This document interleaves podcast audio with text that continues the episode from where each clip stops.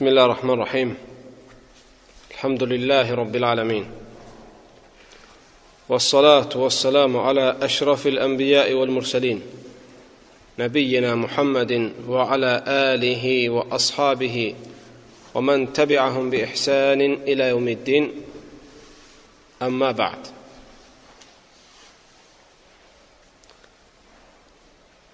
Qəbir məsələsi, qəbir əzabı əqidə məsələlərindəndir. Qəbir aləmi bu haqda olan məsələlərə bilmək tövhid və əqidə məsələlərindəndir.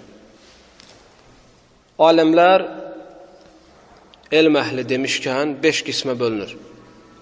İnsan 5 aləm dəyişir vücudda.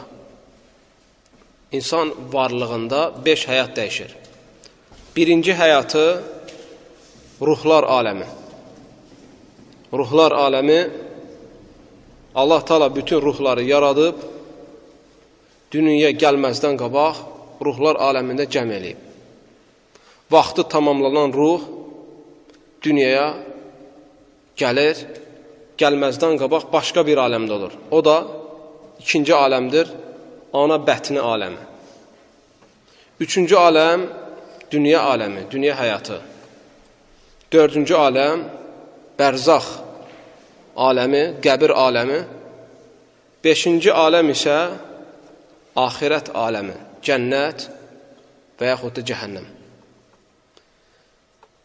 Bugünkü dərsimiz dördüncü aləm bərzax aləmi və yaxud da qəbir aləmi haqqında olacaq Allahın izni ilə.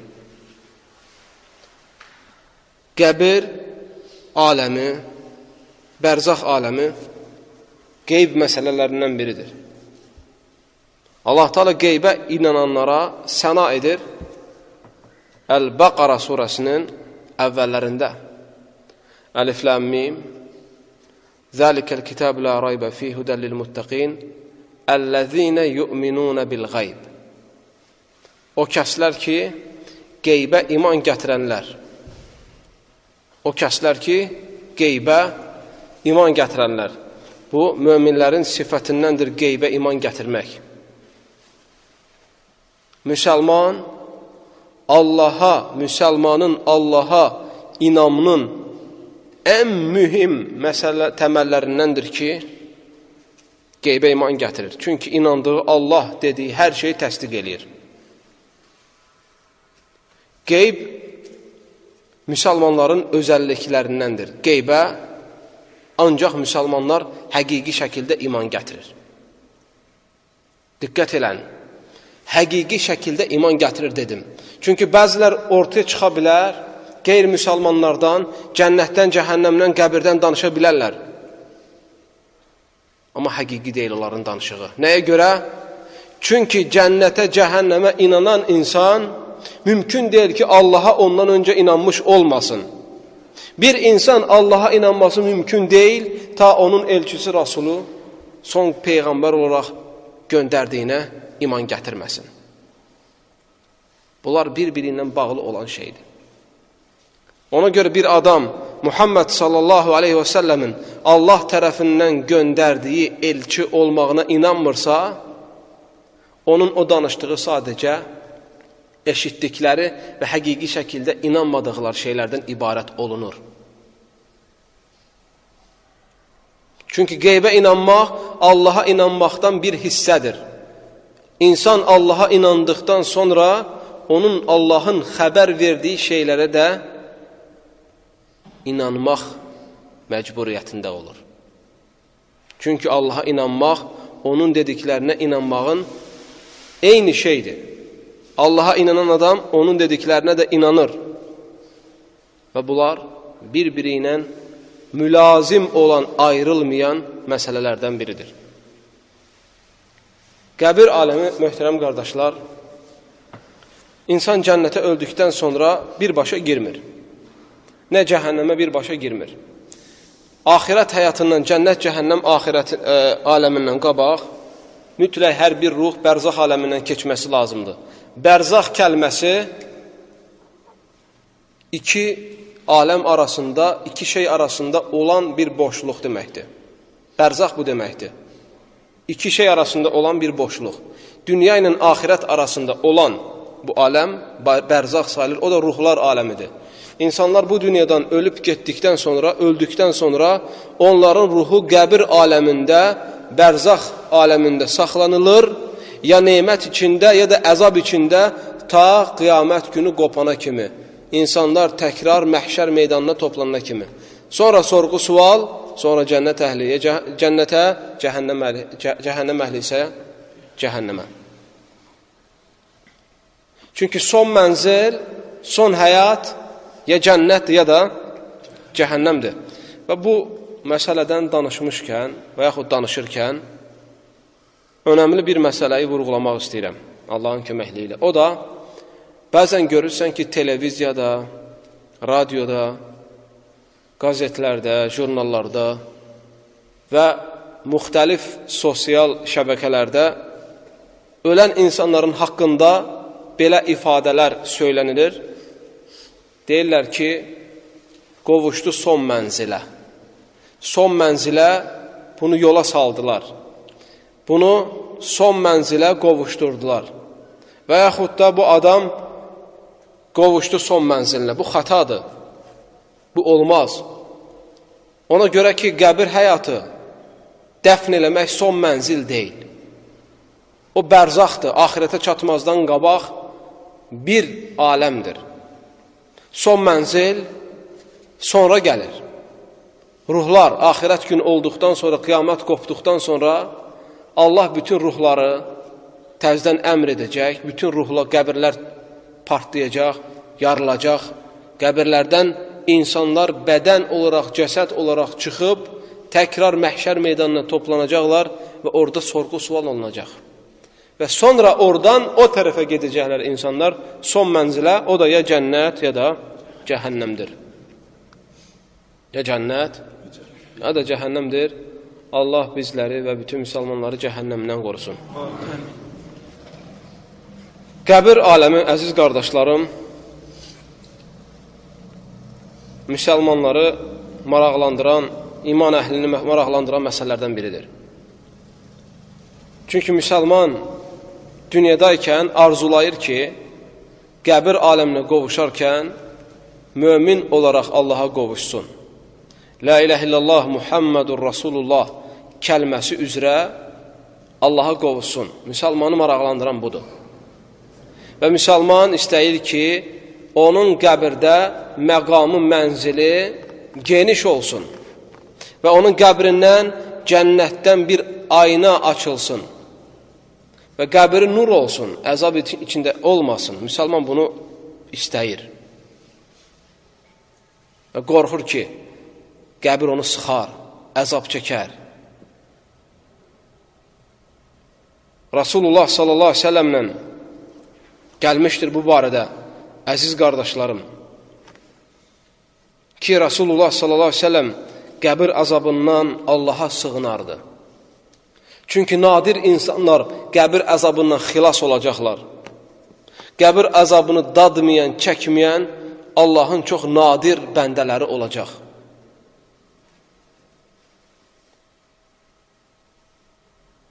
Osman ibn Affan radiyallahu anhu qəbir adı yanında tutulanda ağlayardı və ağlayardı və ağlayardı.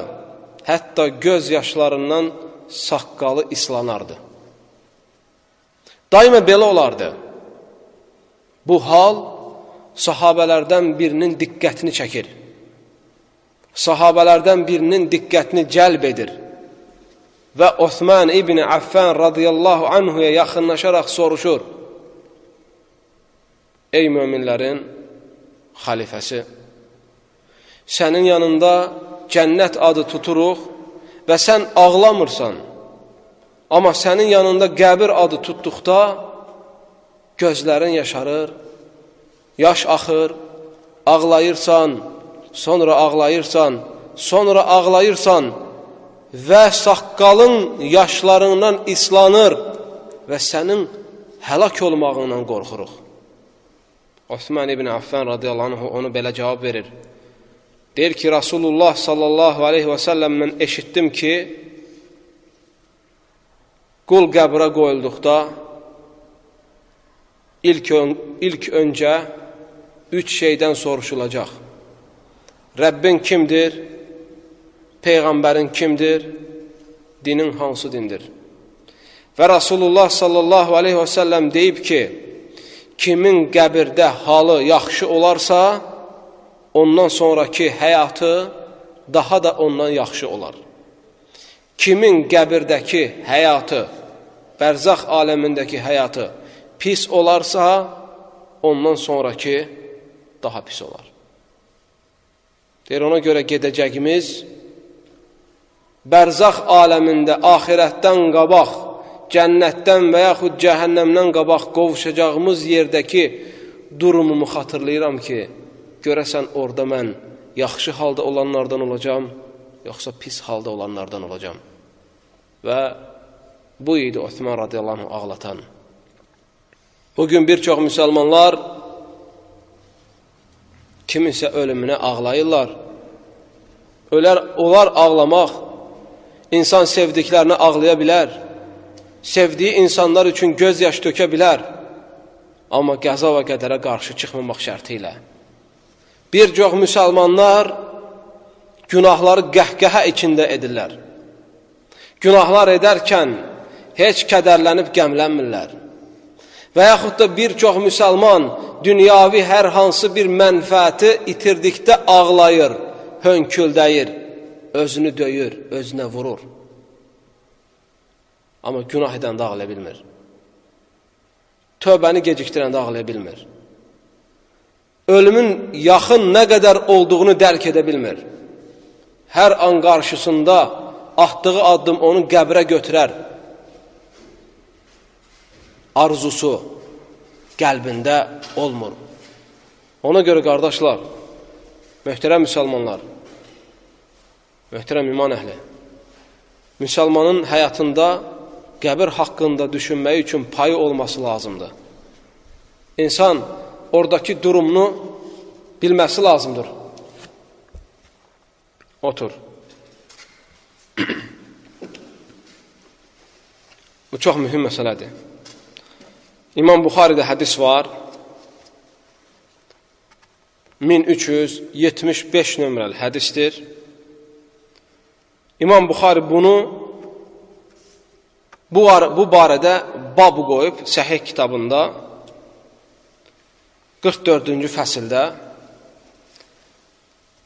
Ət-təavvuz min əzəbil qabr Qəbir əzabından Allaha sığınmaq, yarhamkallah.